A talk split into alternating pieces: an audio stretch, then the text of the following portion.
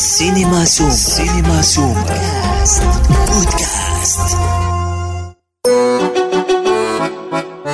الرواق. برنامج ثقافي فني. نستضيف في كل حلقة نجما من نجوم الثقافة والفن. الرواق. الرواق ما لما طيارة. ما لما طيارة.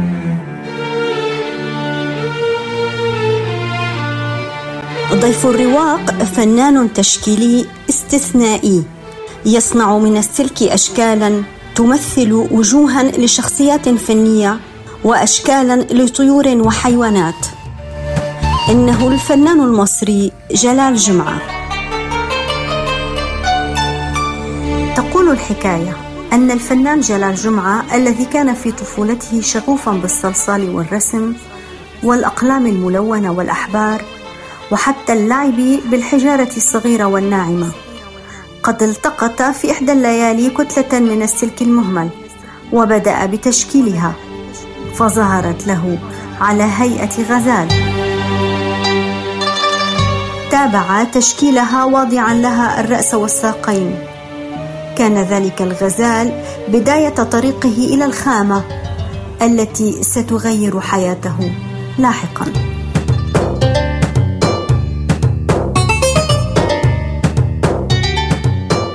مساء الخير أستاذ جلال. سعيدة جدا إنك أنت معنا ضيف اليوم بالرواق الثقافي. الحقيقة يعني آه، يجول في خاطري هذا السؤال وأنت تحول هذا السلك المعدني إلى لوحة فنية. بماذا تفكر؟ وكيف ترى هذا الفراغ والكتلة من خلال السلك؟ بمعنى كيف تتجسد تلك الشخصيات آه، في عقلك آه، قبل أن تظهر في أناملك عبر تلك الأسلاك؟ آه، هو سؤال آه، جميل جدا. آه، اولا أنا لما بمسك الخامة بحس إن في تآلف ما بيني وما بينه وفي حوار بيحصل وبشعر إن أنا ممكن أشكلها في الوقت ده بالذات فهي حالة.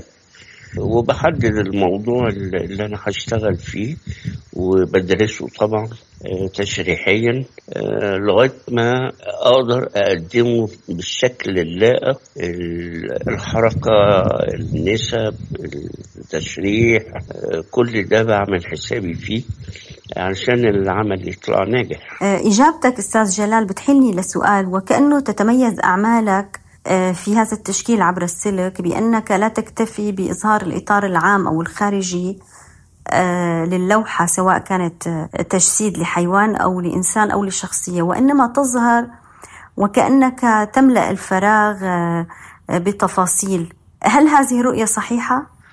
الحقيقة أنا بتعامل مع الفراغ مش مع الكتلة وده اللي بيخليني مختلف عن النحات العادي.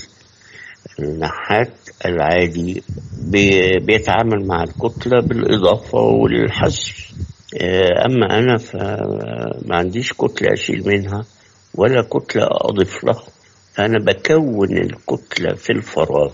فهنا بيحصل حوار ما بيني وما بين الفراغ.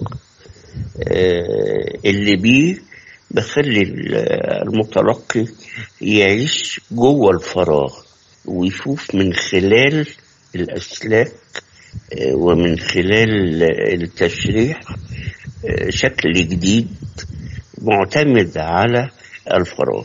أستاذ جلال اللي بيتابع شغلك وخاصة آه، في القسم المتخصص فيه بالشخصيات البورتريات اللي بتصنعها بالأسلاك بيلاحظ وكأنه عندك شيء مماثل لرسامين الكاريكاتير آه، آه، عندك نفس كاريكاتيري في تقديم آه، هاي الشخصيات. هل هذا صحيح؟ يعني إحساسنا بهذا النفس الساخر أو الكوميدي اللي موجود عند حضرتك؟ هو فعلا زي ما حضرتك بتقولي يعني هو شغلي قريب للكاريكاتير. الكاريكاتير هو بيبين الملامح الظاهرة جدا في البورتري آه، اللي, اللي توصلني للشبه تماما. يعني يعني لو العينين واسعة آه، ببالغ شوية في العينين آه، لو البق صغير أو كبير زي مثلا إسماعيل ياسين بيتعمل البق كبير كده. في حاجة بتميز الوش آه، إذا كان في آه، تجاعيد المناخير شكلها الأنف آه، شكلها آه، غريب يعني ضخمة أو صغيرة. آه، كل الحاجات دي هي آه، رسام الكاريكاتير بيأكد عليها. يعني آه، يعني لو المناخير صغيرة فبيعملها هو صغيرة أوي. العينين آه، واسعة. كبيرة يكبرها الزيادة فكل الملامح بتبان من خلال الحاجات اللي ظاهرة في البورتريه. ولذلك تبص تلاقي الشبه بيطلع على طول بالسهولة يعني بالنسبة لي.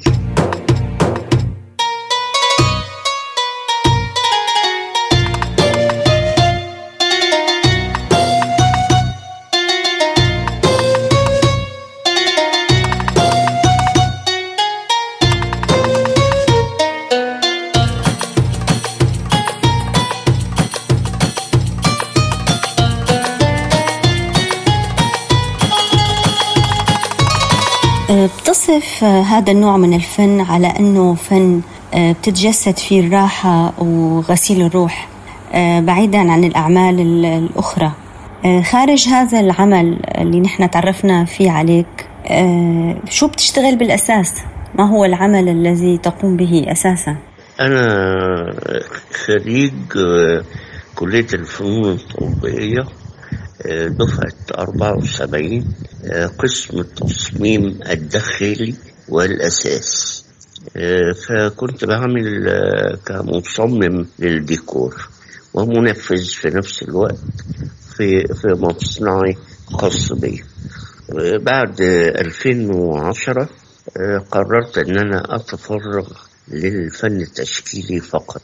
ف كنت بمارس الأول طبعا آه، هندسة الديكور تصميم وتنفيذ وعملت آه، سنين طويلة في هذا المجال ويمكن آه، شغلي كان آه، في أهم أماكن في مصر آه، زي شركة بترول خليج السويس آه، المطاعم السويسرية الشاتو والشاليو وتشيزر وفروع الشركة السويسرية لل- للمطاعم وبارون شرم الشيخ وفندق مين هاوس وكثير بقى من المحلات العامة في وسط المدينة والبيوت والفلل والأماكن السكنية يعني فرش وديكور فعملت آه، سنين طويلة جدا جدا. آه، إلى أن جاءت الثورة سنة 2011 قررت إن أنا أتفرغ للفن التشكيلي بس وأشبع رغبتي يعني في هوايتي بهوايتي يعني. طبعا الكلام ده كان بعد ما أتممت آه، رسالتي في الحياة تربية أولادي وجوازهم وسكنهم وكل حاجة يعني. طمنت عليهم وقررت إن أنا أستمتع باقي حياتي آه، بحاجة أنا بحبها.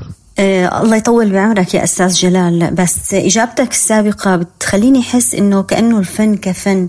رغم ما يحمله من شفافية ويحتاج إلى موهبة وربما وقت إلى آخره من حتى تكلفة آه هو ليس ذو مردود آه يعني مناسب أو مقابل. على الأقل في بلادنا العربية يعني آه، من يعمل في هذه ال- المهن الفنية ال- الشفافة لا يلقى المردود المالي المناسب لهذا الجهد والتعب.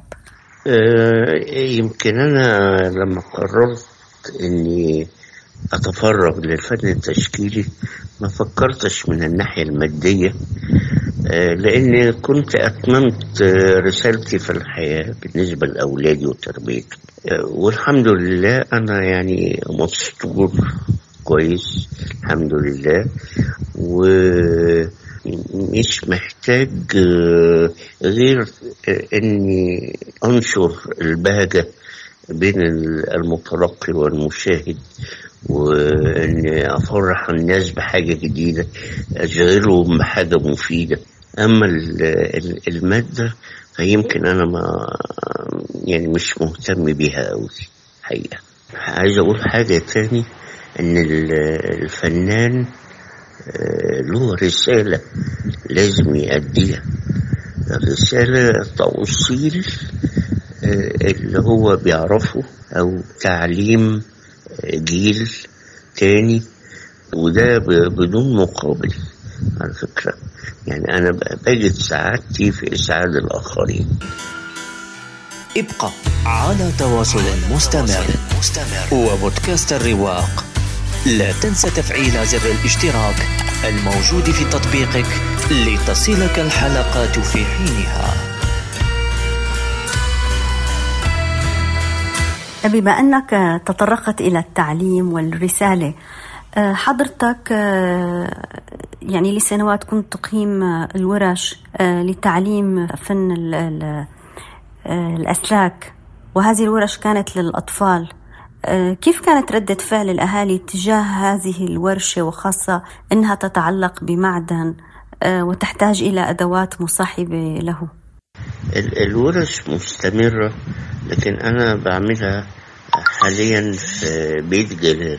بيت جلال ده قاعة متحفية مجهزة لعمل الورش وفي نفس الوقت متحف لأعمالي ومقتنياتي.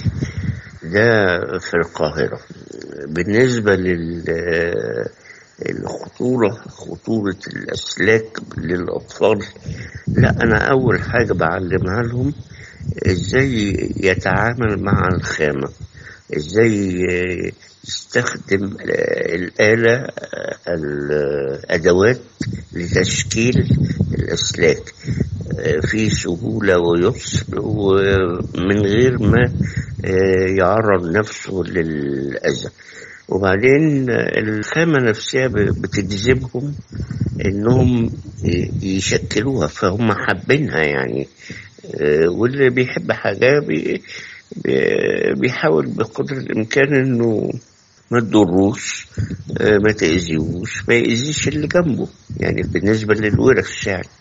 فده طبعا بيحصل تنبيهات عليهم كل شوية أفكرهم بإن أنت جنبك ناس قاعدة بتتعلم زيك فحافظ عليهم وحافظ على عينك وحافظ على إيديك. بيفضل كده يومين ثلاثة لغاية ما بياخد بقى على النظام الآمن يعني في العمل. وبرضو السن أنا يعني بالنسبة للورش في دار الأوبرا أه كنا بناخد باخد سن من من عشر سنين أو تسع سنين لغاية 18 سنة. فكانوا طبعا بيبقوا قاعدين صغيرين وكبار لكن الكبار فاهمين وكانوا بينصحوا زمايلهم الصغيرين فكانوا بيساعدوني بطريقة غير مباشرة الحقيقة يعني وعلى سيرة المقتنيات منذ سنوات عندما تعارفنا في مكتبة الجامعة الأمريكية في القاهرة كان لديك معرض تقتني فيه قطع متعددة لآلات كاتبة وأشياء أخرى ماذا عن هذا المشروع وهذه المقتنيات؟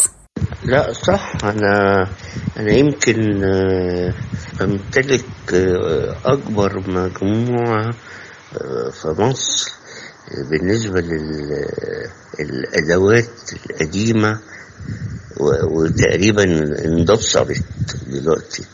عندي آلات الكتبة والآلات ماكينات الخياطة المكاوي لمبات الجاز المطاحن آلات موسيقية ساعات أدوات طبيخ زي البوتاجاز القديم كان بيشتغل بالغاز الطبيعي زمان وشكله يعني الرجلين مثلا رجلين أسد شكل غريب جدا ويعني تقريبا عندي أعمال حوالي يمكن 150 قطعة. يعني ما كانوش أكتر يعني. فلا أنا عندي متحف كامل. يعني طبعا بتمنى إن الأجيال الجديدة دي تشوف الحاجات دي لأنها هم مش هيشوفوها بعد كده خالص. يعني حتى أي واحد مقتني مش هيبقى عنده المجموعة دي آه، والكمية دي خالص. برضه عايز أقول حاجة كده صغيرة يعني أنا آه، دي هواية. يعني أنا مش ببيع حاجة منها. ثانيا أنا بستمتع بمشاهدتها. يعني يمكن آه، بيتي آه، كله أنتيكات. آه، قديمة لها تاريخ على سبيل المثال في حاجات من 1800 أيوه حاجات قديمة جدا بتحكي تاريخ. ف يعني أنا الحاجات دي بالنسبة لي متعة في مشاهدتها. وكل يوم بغير ديكور البيت وأغير الإكسسوار. اللي موجود وبحس إن الحاجات دي مش مقتناتي بس حاجة حاجة جوايا مش ما أقدرش أستغنى عنها يعني. هل هذا المتحف متاح زيارته من قبل الناس بشكل عام؟ وهل زيارته مدفوعة الأجر أم مجانية؟ هو المتحف مفتوح طول أيام الأسبوع ما عدا الجمعة. ومجاني. مفيش مقابل يعني أو رسم دخول. وفي أعمال بتتباع طبعا. من أعمالي أنا اللي هي متنفذة بالأسلاك. في لوحات آه، لمشاهير الفنانين. آه، برضو في منهم معروض للبيع وفي خاص بالمتحف. الزائر بيستمتع بمشاهدة نوعيات مختلفة من الفنون من نحت لتصوير لمقتنيات آه، خاصة وفي لوحات مشاهير الفنانين أمثال آه، جورج البهجوري مصطفى رحمة مع حفظ الألقاب طبعا. وجيه يسا آه، مصطفى حسين صلاح جاهين أحمد طوغان آه، محمد عفت محمد حاكم سمير عبد الغني. طبعا عشان يعني أنا مش فاكر كل الأسامي لكن آه، في طبعا من الجيل الوسط بقى إيمان حكيم ماهر دانيال آه، مش قادر أفتكر دلوقتي لكن آه، في فنانين كتير كتير والعمل منتقاه يعني مش مش أي عمل أنا بحطه في المتحف إلا إذا كان فعلا بيجمع ما بين خصائص العمل الفني الناجح وموهبة الفنان ومكانه على الساحة يعني التشكيلية في مصر أو في الوطن العربي يعني. إذا فينا كمان آه، نذكر للمستمعين على الأقل اللي موجودين بالقاهرة وعم يسمعوا الحلقة هلأ. آه، آه، مكان المتحف. عنوان المتحف 46 ميدان الجمهورية أمام قصر عابدين بيت جلال. وأهلا بأي زائر سواء من الدول العربية أو الأوروبية أو من داخل مصر. وأشكرك على الحوار الجميل ده. أستاذ جلال أنا سعيدة جدا جدا أنك كنت ضيفنا في برنامج الرواق. بتمنى لك مزيد من العطاء والنجاح أه، في كل أعمالك الفنية وخاصة في مشروعك بيت جلال. شكرا لك. أشكرك لاما. وأنا سعيد بالحوار ده جدا وإنه آه، معاك أنت يعني بالذات. أشكرك أشكرك. في الحلقة القادمة من الرواق سنقابل أحد أروقة الفن ممن لمعت مسيرته بأعماله. فلا تفوتوا الحلقة القادمة من بودكاست الرواق. كان معكم لمى طيارة في الإعداد والتقديم ووافي بوميدة في الإخراج. إلى اللقاء. يمكنكم الاشتراك والاستماع إلى بودكاست الرواق عبر منصة Spotify Castbox و Google Podcast.